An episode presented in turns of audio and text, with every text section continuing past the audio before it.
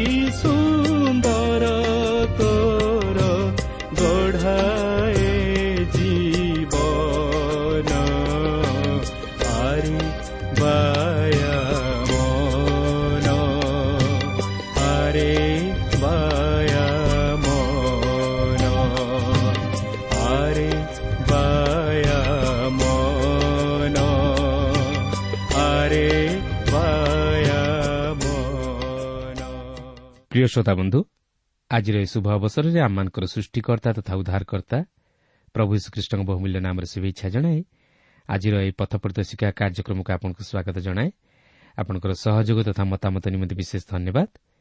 ପ୍ରଭୁ ଆପଣଙ୍କୁ ଆଶୀର୍ବାଦ କରନ୍ତୁ ଓ ଆହୁରି ଆହୁରି ଆତ୍ମିକ ଜୀବନରେ ବର୍ଦ୍ଧିଷ୍ଣୁ କରାନ୍ତୁ। ଆପଣଙ୍କର ପ୍ରାର୍ଥନାର ଅନୁରୋଧ ରକ୍ଷା କରି ଆମେ ମଧ୍ୟ ଆପଣଙ୍କ ନିମନ୍ତେ ପ୍ରାର୍ଥନା କରୁଅଛୁ। ଆଉ ସେହି ପ୍ରଭୁ ଯୀଶୁଙ୍କଠାରେ ଆପଣ ବିଶ୍ୱାସରେ ସ୍ଥିର ରୁହନ୍ତୁ। ତାହେଲେ ସେ ଆପଣଙ୍କ ଜୀବନରେ ତାହାଙ୍କର ମହତ ଅଭିମତ ସାଧନ କରିବେ।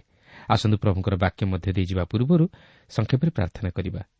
ପବିତ୍ର ପ୍ରଭୁ ତୁମର ପବିତ୍ର ନାମର ଧନ୍ୟବାଦ କରୁଅଛି ସୁନ୍ଦର ସମୟ ପାଇଁ ତୁମର ଜୀବନ୍ତ ବାକ୍ୟ ପାଇଁ। ପବିତ୍ର ପ୍ରଭୁ ତୁମର ବାକ୍ୟ ମଧ୍ୟ ଦେଇ ତୁମେ ଆମମାନଙ୍କ ସହିତ କଥା କୁହ।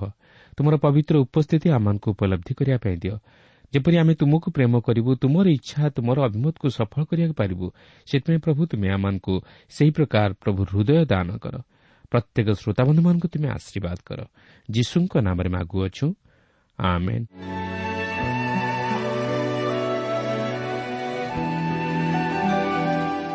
ଆସନ୍ତୁ ବର୍ତ୍ତମାନ ଆମେ ପ୍ରଭୁଙ୍କର ବାକ୍ୟ ମଧ୍ୟକୁ ଯିବା।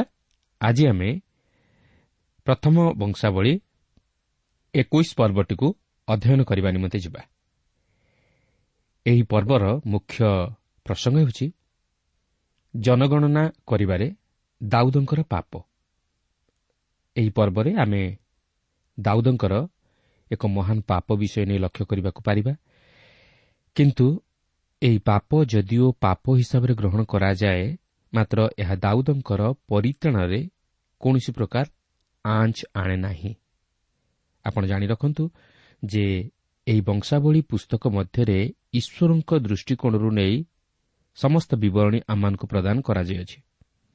ଈଶ୍ୱର ଏହି ବଂଶାବଳୀ ମଧ୍ୟରେ ବତ୍ସେବା ସହିତ ଦାଉଦଙ୍କର ପାପ ବିଷୟ ନେଇ କୌଣସି ବିଷୟ ପ୍ରକାଶ କରିନାହାନ୍ତି। କାରଣ ସେ ଦାଉଦଙ୍କର ପାପକୁ କ୍ଷମା କରିବା ପରେ ସେହିସବୁକୁ ଆଉ ସ୍ମରଣରେ ଆଣନ୍ତି ନାହିଁ। କିନ୍ତୁ ଏହି ଅଂଶରେ ଜନଗଣନା କରିବା ନେଇ ଦାଉଦଙ୍କର ପାପକୁ ପ୍ରକାଶ କରନ୍ତି। କାରଣ ଏହା ଆତ୍ମିକ ସ୍ତରରେ ଘଟିଅଛି। ଏହା ଦାଉଦଙ୍କର ପରିତାଣ ଉପରେ କୌଣସି ପ୍ରଭାବ ପକାଇପାରେ ନାହିଁ। ମାତ୍ର ଏହା ନିଶ୍ଚିତ ଭାବେ ଈଶ୍ୱରଙ୍କ ସହିତ ତାହାଙ୍କର ଓ ଇସ୍ରାଏଲ୍ ଜାତିର ବ୍ୟକ୍ତିଗତ ସମ୍ପର୍କକୁ କ୍ଷୁର୍ଣ୍ଣ କରିବାକୁ ଯାଉଅଛି। ତେବେ ଦେଖନ୍ତୁ ଏକୋଇଶ ପର୍ବର ପ୍ରଥମ ପଦରେ ଏହିପରି ଲେଖା ଅଛି ଅନନ୍ତର ଶୟତାନ ଇସ୍ରାଏଲ୍ ପ୍ରତିକୂଳରେ ଠିଆ ହୋଇ ଇସ୍ରାଏଲ୍କୁ ଗଣନା କରିବା ପାଇଁ ଦାଉଦଙ୍କୁ ପ୍ରବର୍ତ୍ତାଇଲା। ବର୍ତ୍ତମାନ ଏଠାରେ ଆମେ ମୁଖ୍ୟ ଆସାମୀକି ଦେଖିବାକୁ ପାରୁଅଛୁ। ଏହା ଶୈତାନିକ ଏହି ସମସ୍ତ ଘଟଣାର ପଛରେ ଶୟତାନ ଥିଲା। ଦାଉଦଙ୍କ ପାପ ଉପରେ ଏହା ଆଲୋକପାତ କରେ। ବତ୍ସେବା ସହିତ ଦାଉଦଙ୍କର ପାପ ଏକ ବ୍ୟକ୍ତିଗତ ପାପ ଥିଲା ଯାହାକି ମାଂସିକ ଅଭିଳାଷ ଜନିତ ପାପ। କିନ୍ତୁ ସେ ତହିଁ ନିମନ୍ତେ ଅନୁତାପ କରିବାରୁ ପ୍ରଭୁ ତାହାଙ୍କୁ କ୍ଷମା ଦେଲେ ଓ ସେ ଆଉ ତାହା ସ୍ମରଣ କଲେ ନାହିଁ ଯାହାକି ଆମେ ଗୀତ ସଙ୍ଗୀତା ଏକାବନ ପର୍ବରେ ଉଲ୍ଲେଖ ହୋଇଥିବାର ଲକ୍ଷ୍ୟ କରିବାକୁ ପାରୁ। କିନ୍ତୁ ଏଠାରେ ଶୟତାନ ଇସ୍ରାଏଲ୍ର ପ୍ରତିକୂଳରେ ଠିଆ ହେଲା ଓ ଦାଉଦଙ୍କୁ ସେହି ଗଣନା କରିବା ନିମନ୍ତେ ପ୍ରବର୍ତ୍ତାଇଲା ଦୁଇ ପଦରେ ଲେଖା ଅଛି ତହିଁରେ ଦାଉଦ ଜୋୟାବକୁ ଓ ଲୋକମାନଙ୍କ ଅଧିପତିମାନଙ୍କୁ କହିଲେ ଯାଅ ବେରସେବାଠାରୁ ଦାନ ପର୍ଯ୍ୟନ୍ତ ଇସ୍ରାଏଲ୍କୁ ଗଣନା କରି ମୋ ନିକଟକୁ ସମ୍ବାଦ ଆଣ। ତହିଁରେ ମୁଁ ସେମାନଙ୍କର ସଂଖ୍ୟା ଜାଣିବି। ଆପଣଙ୍କର ମନେଥିବ ଯେ ମୂଷା ଦୁଇଟି ଘଟଣାରେ ଇସ୍ରାଏଲ୍ ସନ୍ତାନଗଣର ଗଣନା କରିଥିଲେ। ଗଣନା ପୁସ୍ତକରେ ଲେଖା ଅଛି ଯେ ମୂଷା ଇସ୍ରାଏଲ୍ ସନ୍ତାନଗଣର ସେହି ପ୍ରାନ୍ତର ଯାତ୍ରା ଆରମ୍ଭ ସମୟରେ ପ୍ରଥମ ଥର ପାଇଁ ଜନଗଣନା କରିଥିଲେ ଓ ସେହି ପ୍ରାନ୍ତର ଯାତ୍ରା ଶେଷରେ ଦ୍ୱିତୀୟ ଥର ପାଇଁ ଜନଗଣନା କରିଥିଲେ।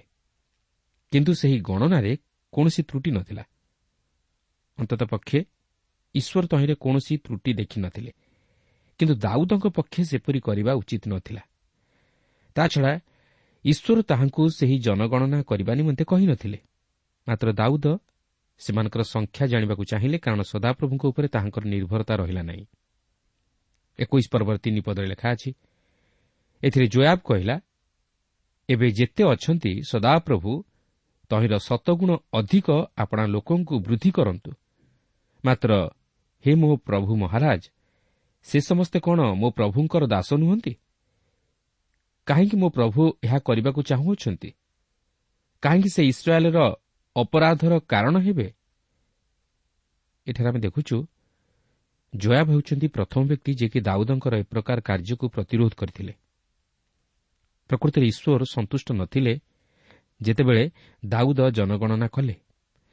କାରଣ ଦାଉଦ ପ୍ରଭୁଙ୍କଠାରେ ନିର୍ଭର କରିନଥିଲେ କି ତାହାଙ୍କଠାରେ ଆନନ୍ଦ କରିନଥିଲେ ମାତ୍ର ସେ ନିଜର ଶକ୍ତି ବା ସାମର୍ଥ୍ୟ ଉପରେ ନିର୍ଭର କଲେ। ତେଣୁକରି ଯେଉଁ ବିଷୟ ତାହାଙ୍କୁ ଜନଗଣନା ନିମନ୍ତେ ଚାଳନା ଦେଇଥିଲା ତାହା ଥିଲା ଅବିଶ୍ୱାସର ପାପ। କାରଣ ଦାଉଦ ସଂଖ୍ୟା ଉପରେ ନିର୍ଭର କରିଥିଲେ ମାତ୍ର ଈଶ୍ୱରଙ୍କ ଉପରେ ନିର୍ଭର କରିନଥିଲେ। ଏହାପରେ ଏକୋଇଶ ପର୍ବର ଚାରିପଦରୁ ଛଅ ପଦ ମଧ୍ୟରେ ଲେଖା ଅଛି ତଥାପି ଜୟାବ ପ୍ରତି ରାଜାଙ୍କର ବାକ୍ୟ ପ୍ରବଳ ହେଲା।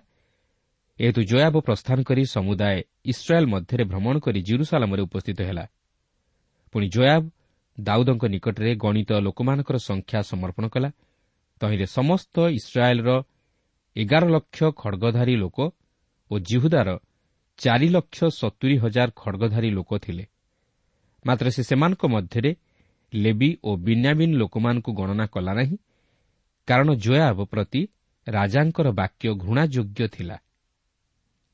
ଇସ୍ରାଏଲ୍ର ଏଗାର ଲକ୍ଷ ଖଡ଼ଗଧାରୀ ଲୋକ ଓ ଜିହୁଦାର ଚାରି ଲକ୍ଷ ସତୁରି ହଜାର ଖଡ଼ଗଧାରୀ ଲୋକ ଥିଲେ। ମାତ୍ର ମୂଷା ଯେତେବେଳେ ଗଣନା କରିଥିଲେ ସେତେବେଳେ ଛଅଶହ ତିନି ହଜାର ଲୋକ ଥିଲେ।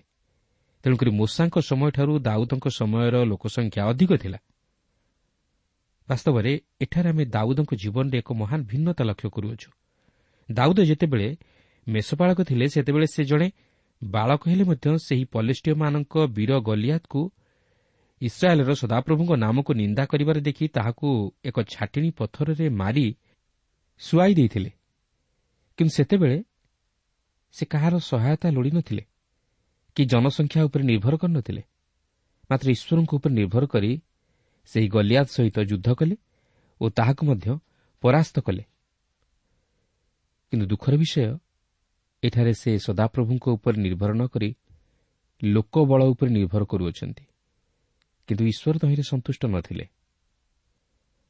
ଆଜି ଅନେକ ଏହିପରି ଅଛନ୍ତି ଯେଉଁମାନେ କି ନିଜର ଶକ୍ତି ବାହୁବଳ ଅର୍ଥ ବା ଲୋକବଳ ଉପରେ ନିର୍ଭର କରନ୍ତି ମାତ୍ର ଈଶ୍ୱରଙ୍କ ଉପରେ ନିର୍ଭର କରନ୍ତି ନାହିଁ। ସେମାନେ ସଂଖ୍ୟା ଉପରେ ନିର୍ଭର କରନ୍ତି କିନ୍ତୁ ଖ୍ରୀଷ୍ଟଙ୍କ ଉପରେ ନିର୍ଭର କରନ୍ତି ନାହିଁ। ସେମାନେ କମ୍ପ୍ୟୁଟର ଉପରେ ନିର୍ଭର କରନ୍ତି ମାତ୍ର ଈଶ୍ୱରଙ୍କ ଉପରେ ନିର୍ଭର କରନ୍ତି ନାହିଁ। କିନ୍ତୁ ଦାଉଦ ଏହି ଘଟଣା ମଧ୍ୟ ଦେଇ ଏକ ମହାନ ଶିକ୍ଷା ପାଇଥିଲେ। ସେଥିପାଇଁ ଗୀତ ସଂହିତା ଶହେ ଅଠର ପର୍ବର ଆଠ ଓ ନଅ ପଦରେ ସେ ଏହିପରି ପ୍ରକାଶ କରନ୍ତି ମନୁଷ୍ୟ ଉପରେ ନିର୍ଭର ରଖିବା ଅପେକ୍ଷା ସଦାପ୍ରଭୁଙ୍କର ଶରଣାଗତ ହେବା ଉତ୍ତମ। ଅଧିପତିମାନଙ୍କ ଉପରେ ନିର୍ଭର ରଖିବା ଅପେକ୍ଷା ସଦାପ୍ରଭୁଙ୍କର ଶରଣାଗତ ହେବା ଉତ୍ତମ। ଏପରିକି ଗୀତ ସଂହିତା ଏକୋସ୍ତରୀ ପର୍ବର ପ୍ରଥମ ପଦରେ ଲେଖା ଅଛି ହେ ସଦାପ୍ରଭୁ ମୁଁ ତୁମର ଶରଣ ନେଇଅଛି। ମୋତେ କେବେ ଲଜ୍ଜିତ ହେବାକୁ ଦିଅ ନାହିଁ। ଆମେ ପ୍ରତ୍ୟେକ ନିଜ ନିଜକୁ ଏହି ପ୍ରଶ୍ନ କରିବା ଉଚିତ। ମୁଁ କ'ଣ ଈଶ୍ୱରଙ୍କ ଉପରେ ନିର୍ଭର କରେ? ମୁଁ କ'ଣ ଈଶ୍ୱରଙ୍କଠାରେ ବିଶ୍ୱାସ କରେ?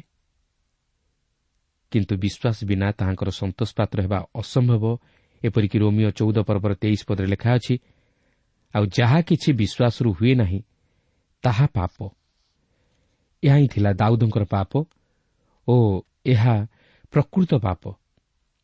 ଦାଉଦ ସଙ୍ଗେ ସଙ୍ଗେ ଦେଖିବାକୁ ପାରିଲେ ଯେ ସେ କେତେ ଭୟଙ୍କର ପାପ କରିଅଛନ୍ତି କିନ୍ତୁ ଏଥି ନିମନ୍ତେ ଦାଉଦଙ୍କୁ ଶାସ୍ତି ମଧ୍ୟ ପସନ୍ଦ କରିବାକୁ ପଡ଼ିଲା।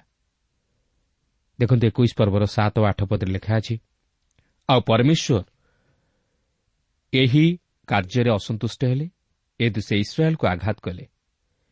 ତେଣୁ ଦାଉଦ ପରମେଶ୍ୱରଙ୍କୁ କହିଲେ ଏହି କର୍ମ କରିବାରେ ମୁଁ ମହାପାପ କରିଅଛି। ମାତ୍ର ଏବେ ମୁଁ ବିନୟ କରୁଅଛି। ନିଜ ଦାସର ଅପରାଧ କ୍ଷମା କର। କାରଣ ମୁଁ ଅତି ମୂର୍ଖର କର୍ମ କରିଅଛି।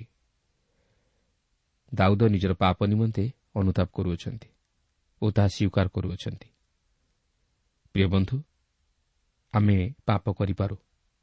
ମାତ୍ର ପ୍ରଭୁ ଚାହାନ୍ତି ଆମମାନଙ୍କର ସ୍ୱୀକାରୋକ୍ତି। କିନ୍ତୁ ଅନେକ ସମୟରେ ଆମ୍ଭମାନଙ୍କୁ ଆମମାନଙ୍କର ପାପର ପ୍ରତିଫଳ ଭୋଗ କରିବାକୁ ପଡ଼ିଥାଏ। ଦେଖନ୍ତୁ ଈଶ୍ୱର ବର୍ତ୍ତମାନ ଦାଉଦଙ୍କ ସମ୍ମୁଖରେ ସେହି ତିନୋଟି ଶାସ୍ତି ମଧ୍ୟରୁ କୌଣସି ଗୋଟିଏ ଶାସ୍ତିକୁ ପସନ୍ଦ କରିବା ନିମନ୍ତେ କହୁଅଛନ୍ତି।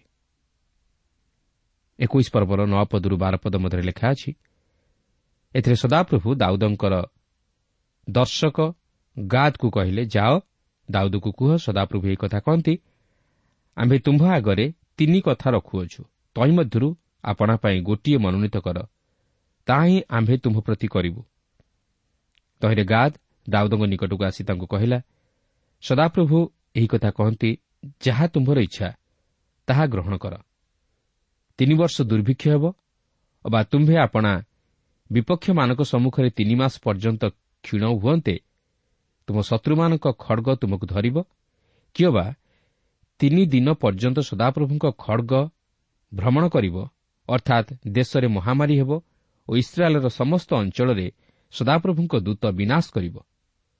ମୋ ପ୍ରେରଣକର୍ତ୍ତାଙ୍କୁ ମୁଁ ଫେରି କି ଉତ୍ତର ଦେବି ତାହା ଏବେ ବିବେଚନା କର।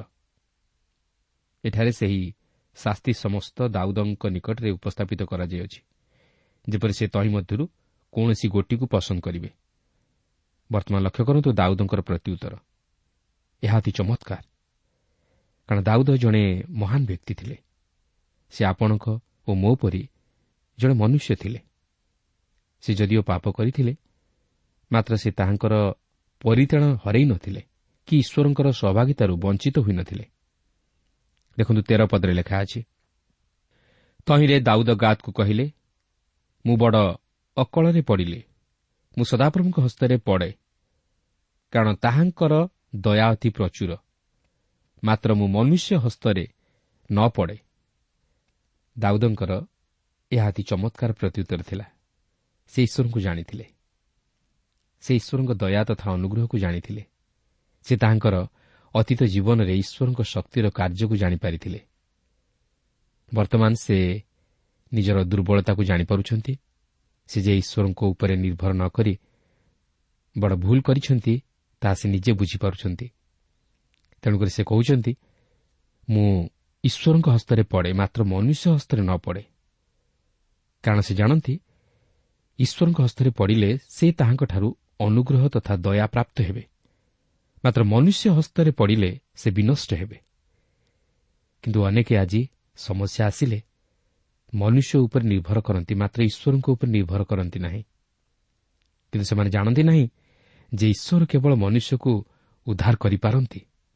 ଗୀତ ସଂହିତା ଶହେ ତିନି ପର୍ବର ଦଶ ଏଗାର ପଦରେ ଲେଖା ଅଛି ସେ ଆମ୍ଭମାନଙ୍କ ପାପ ପ୍ରମାଣେ ଆମମାନଙ୍କ ପ୍ରତି ବ୍ୟବହାର କରିନାହାନ୍ତି କେବେ ଆମ୍ଭମାନଙ୍କ ଅଧର୍ମାନୁସାରେ ଆମମାନଙ୍କୁ ପ୍ରତିଫଳ ଦେଇନାହାନ୍ତି। କାରଣ ପୃଥିବୀରୁ ଆକାଶମଣ୍ଡଳ ଯେମନ୍ତ ଉଚ୍ଚ ତେମନ୍ତ ତାହାଙ୍କ ଭୟକାରୀମାନଙ୍କ ପ୍ରତି ତାହାଙ୍କ ଦୟା ମହତ୍। ଈଶ୍ୱର ଯଦିଓ ଆମମାନଙ୍କର ପାପର ପ୍ରତିଫଳ ଆମମାନଙ୍କୁ ଭୋଗ କରିବାକୁ ଦିଅନ୍ତି ମାତ୍ର ସେ ଆମମାନଙ୍କୁ ତାହାଙ୍କର ମହାଦୟାରେ ଉଦ୍ଧାର କରନ୍ତି। ପରିତ୍ରାଣ ସାଧନ କରିବାରେ ଈଶ୍ୱର ଦୟାଳୁ ଅଟନ୍ତି। ଓ ସେ ଆଜି ଜଗତକୁ ପ୍ରେମ କରିବାରୁ ଏହି ନଷ୍ଟକଳ୍ପ ଜଗତ ପ୍ରତି ତାହାଙ୍କର ଅନୁଗ୍ରହ ପ୍ରକାଶ କରିଅଛନ୍ତି। କାରଣ ଈଶ୍ୱରଙ୍କ ଅନୁଗ୍ରହ ଲାଗି ଆମମାନେ ରକ୍ଷାପ୍ରାପ୍ତ ହୋଇଅଛୁ। ଯଦି ସେ ଆଜି ଆମମାନଙ୍କୁ ଆମମାନଙ୍କର ପାପ ଅନୁଯାୟୀ ବିଚାର କରିଥାନ୍ତେ ତାହେଲେ ଆମମାନେ ମୁହୂର୍ତ୍ତେ ମାତ୍ର ଏହି ଜଗତରେ ବଞ୍ଚି ନଥାନ୍ତୁ। କିନ୍ତୁ ଈଶ୍ୱର ଯଦିଓ ଦୀର୍ଘ ସହିଷ୍ଣୁ ମାତ୍ର ସେ ଚିର ସହିଷ୍ଣୁ ନୁହନ୍ତି। ସେ ଯଦିଓ ଖ୍ରୀଷ୍ଟଙ୍କ ମଧ୍ୟ ଦେଇ ଏହି ଜଗତ ପ୍ରତି ତାହାଙ୍କର ଅସୀମ ଅନୁଗ୍ରହ ପ୍ରଦାନ କରିଅଛନ୍ତି ମାତ୍ର ସେ ମଧ୍ୟ ଖ୍ରୀଷ୍ଟଙ୍କ ଦ୍ୱାରା ଏହି ଜଗତର ବିଚାର କରିବାକୁ ଯାଉଅଛନ୍ତି। ସେହି ପ୍ରଭୁ ଯୀଶୁଖ୍ରୀଷ୍ଟ ରାଜାମାନଙ୍କର ରାଜା ଓ ପ୍ରଭୁମାନଙ୍କର ପ୍ରଭୁ ହୋଇ ଏହି ଜଗତକୁ ଆଗମନ କରୁଅଛନ୍ତି ଏହି ଜଗତର ବିଚାର କରିବା ପାଇଁ। ଏହାପରେ ଏକୋଇଶ ପର୍ବର ଚଉଦରୁ ସତର ପଦ ମଧ୍ୟରେ ଲେଖା ଅଛି ତମ ସଦାପ୍ରଭୁ ଇସ୍ରାଏଲ୍ ଉପରେ ମହାମାରୀ ପଠାଇଲେ ତରେ ଇସ୍ରାଏଲ୍ ମଧ୍ୟରୁ ସତୁରି ହଜାର ଲୋକ ମାରା ପଡ଼ିଲେ। ଏଉତାରେ ପରମେଶ୍ୱର ଜିରୁସାଲମ ବିନାଶ କରିବା ପାଇଁ ସେଠାକୁ ଦୂତ ପଠାଇଲେ ଆଉ ସେ ବିନାଶ କରିବାକୁ ଉଦ୍ୟତ ହେବା ସମୟରେ ସଦାପ୍ରଭୁ ଦୃଷ୍ଟିପାତ କଲେ ଓ ସେହି ବିପଦ ସକାଶୁ ଦୁଃଖିତ ହୋଇ ସେହି ବିନାଶକ ଦୂତକୁ କହିଲେ ଯଥେଷ୍ଟ ହେଲା ଏବେ ତୁମ ହସ୍ତ ସଂକୁଚିତ କର ତେବେ ସଦାପ୍ରଭୁଙ୍କ ସେହି ଦୂତ ଜିବୁସିୟ ଅରଣର ଶସ୍ୟମର୍ଦ୍ଦନ ସ୍ଥାନ ନିକଟରେ ଠିଆ ହେଲା। ତୁ ଦାଉଦ ଅନାଇ ସଦାପ୍ରଭୁଙ୍କ ଦୂତକୁ ପୃଥିବୀ ଓ ଆକାଶ ମଧ୍ୟରେ ଠିଆ ହୋଇ ଆପଣା ହସ୍ତରେ ନିଷ୍କୋଷ ଖଡ଼ଗ ଜିରୁସାଲମ ଉପରେ ପ୍ରସାରିତ କରିଥିବାର ଦେଖିଲେ। ସେତେବେଳେ ଅଖାବସ୍ତ୍ର ପରିହିତ ଦାଉଦ ଓ ପ୍ରାଚୀନମାନେ ମୁହଁ ମାଡ଼ି ପଡ଼ିଲେ। ପୁଣି ଦାଉଦ ପରମେଶ୍ୱରଙ୍କୁ କହିଲେ ଲୋକ ଗଣନା କରିବାକୁ ଯେ ଆଜ୍ଞା ଦେଲା ସେ କ'ଣ ମୁଁ ନୁହେଁ? ମୁଁ ସିନା ପାପ କରିଅଛି ଓ ଅତି ଦୁଷ୍କର୍ମ କରିଅଛି ମାତ୍ର ଏହି ମେଷଗଣ କ'ଣ କଲେ? ବିନୟ କରୁଅଛି ହେ ସଦାପ୍ରଭୁ ଆମ ପରମେଶ୍ୱର ତୁମ୍ଭ ହସ୍ତ ମୋ ପ୍ରତିକୂଳରେ ଓ ମୋ ପିତୃଗୃହ ପ୍ରତିକୂଳରେ ହେଉ ମାତ୍ର ତୁମ୍ଭର ଲୋକମାନଙ୍କୁ ପ୍ରହାର କରିବା ପାଇଁ ସେମାନଙ୍କ ପ୍ରତିକୂଳରେ ନ ହେଉ। ଲକ୍ଷ୍ୟ କରନ୍ତୁ ଦାଉଦଙ୍କର ଚମତ୍କାର ପ୍ରାର୍ଥନା। ସେ ନିଜର ପାପ ନିମନ୍ତେ ପୁରାପୁରି ନିଜ ଉପରେ ସମସ୍ତ ଦୋଷ ବହନ କରନ୍ତି। ଦାଉଦଙ୍କର ଜୀବନରେ ଆମେ ଏଠାରେ ଏକ ବାସ୍ତବ ପରିବର୍ତ୍ତନ ଦେଖୁଅଛୁ। ସେ ସେହି ଅପରାଧର ପ୍ରତିଫଳ ଅନ୍ୟ ଉପରେ ଲଦି ଦେବାକୁ ଚାହୁଁନାହାନ୍ତି ମାତ୍ର ନିଜ ଉପରେ ନେଉଅଛନ୍ତି। ସେ କହନ୍ତି ପ୍ରଭୁ ମୁଁ ସେହି ପାପର ଭାଗି ଓ ମୋତେ ପ୍ରତିଫଳ ଦେଉନ୍ତୁ। ମାତ୍ର ମୋହର ଲୋକମାନଙ୍କ ପ୍ରତି ନ ବର୍ତ୍ତାନ୍ତୁ। ମୁଁ ପାପ କରିଅଛି ତେଣୁ ମୋତେ ପ୍ରତିଫଳ ଦିଅନ୍ତୁ। ତେବେ ଦେଖନ୍ତୁ ଦାଉଦ ବର୍ତ୍ତମାନ କିପରି ସେହି ଅରଣର ଶସ୍ୟ ମର୍ଦ୍ଦନ ସ୍ଥାନକୁ କ୍ରୟ କରିବା ପାଇଁ ଯାଉଅଛନ୍ତି। ଏକୋଇଶ ପର୍ବର ଅଠର ପଦରୁ ଏକୋଇଶ ପଦ ମଧ୍ୟରେ ଏହିପରି ଲେଖା ଅଛି। ସେତେବେଳେ ସଦାପ୍ରଭୁଙ୍କ ଦୂତ ଦାଉଦଙ୍କୁ କହିବା ପାଇଁ ଗାଦକୁ ଆଜ୍ଞା କଲେ ଯେ ଦାଉଦ ଯାଇ ଜିବୁସିୟ ଅରଣର ଶସ୍ୟମର୍ଦ୍ଦନ ସ୍ଥାନରେ ସଦାପ୍ରଭୁଙ୍କ ଉଦ୍ଦେଶ୍ୟରେ ଏକ ଯଜ୍ଞବିଧି ସ୍ଥାପନ କରୁ। ତେଣୁ ସଦାପ୍ରଭୁଙ୍କ ନାମରେ କଥିତ ଗାଦର ବାକ୍ୟାନୁସାରେ ଦାଉଦ ଗଲେ। ସେତେବେଳେ ଅରଣନ୍ ଗହମ ମଳୁଥିଲା। ପୁଣି ସେ ମୁଖ ଫେରାଇ ଦୂତଙ୍କୁ ଦେଖିଲା। ତହୁଁ ତାହାର ସଙ୍ଗେ ଥିବା ଚାରିପୁତ୍ର ଲୁଚିଲେ। ଆଉ ଦାଉଦ ଅରନନ୍ ନିକଟକୁ ଆସୁ ଆସୁ ଅରନନ୍ ଅନାଇ ଦାଉଦଙ୍କୁ ଦେଖନ୍ତେ ଶସ୍ୟମର୍ଦ୍ଦନ ସ୍ଥାନରୁ ବାହାରି ଆସି ଦାଉଦଙ୍କ ନିକଟରେ ମୁହଁ ମାଡ଼ି ଭୂମିଷ୍ଠ ପ୍ରଣାମ କଲା।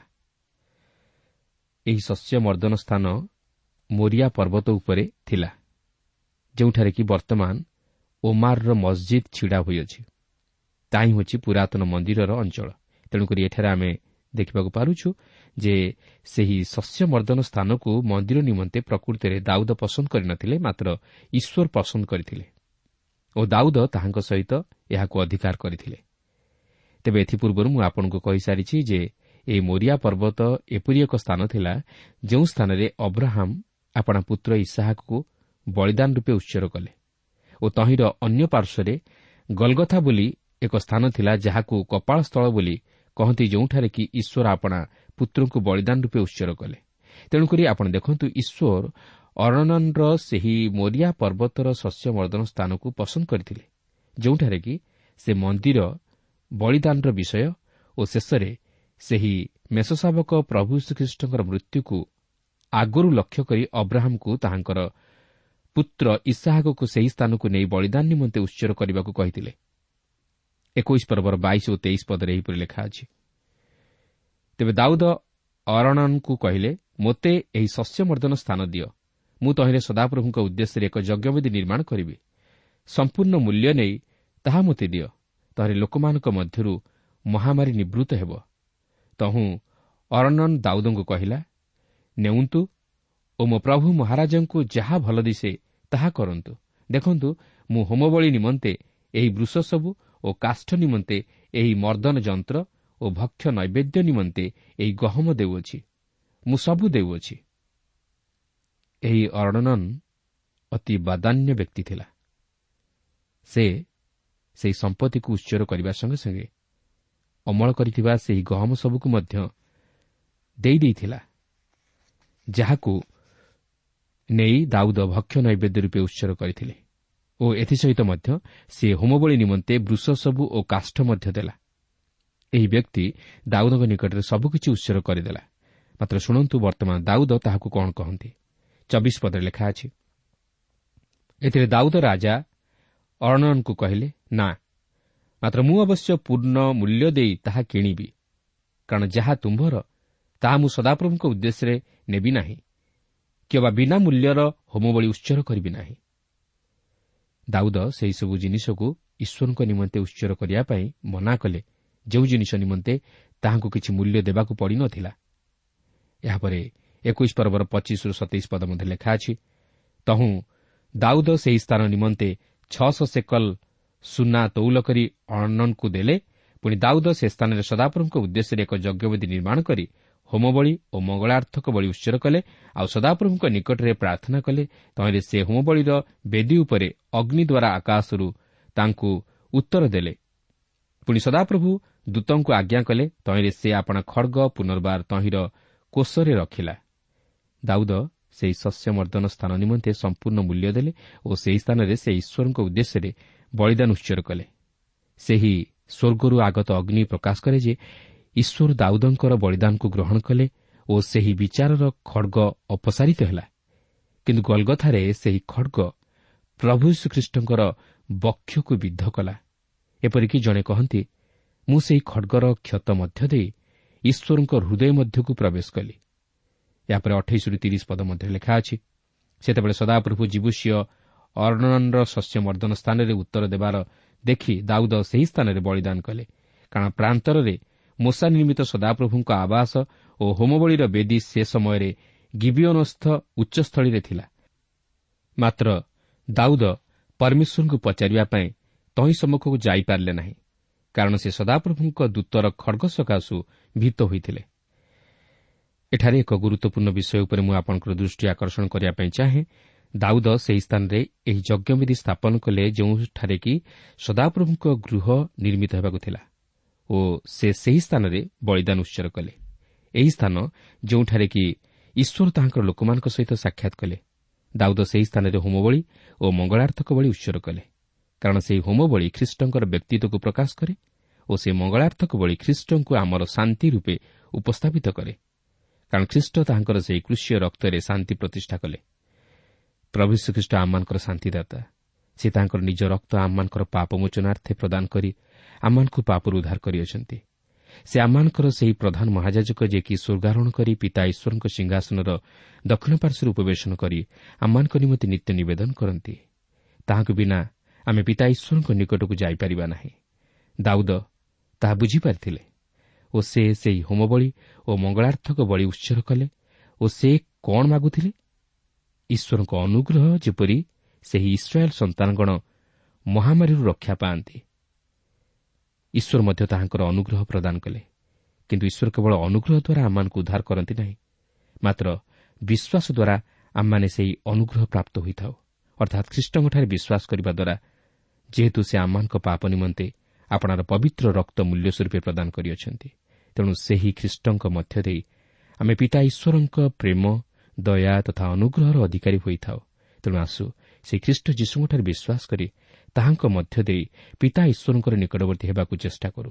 ବ୍ରହ୍ମ ପ୍ରତ୍ୟେକଙ୍କୁ ଏହି ସଂକ୍ଷିପ୍ତ ଆଲୋଚନା ମଧ୍ୟ ଦେଇ ଆଶୀର୍ବାଦ କରନ୍ତୁ।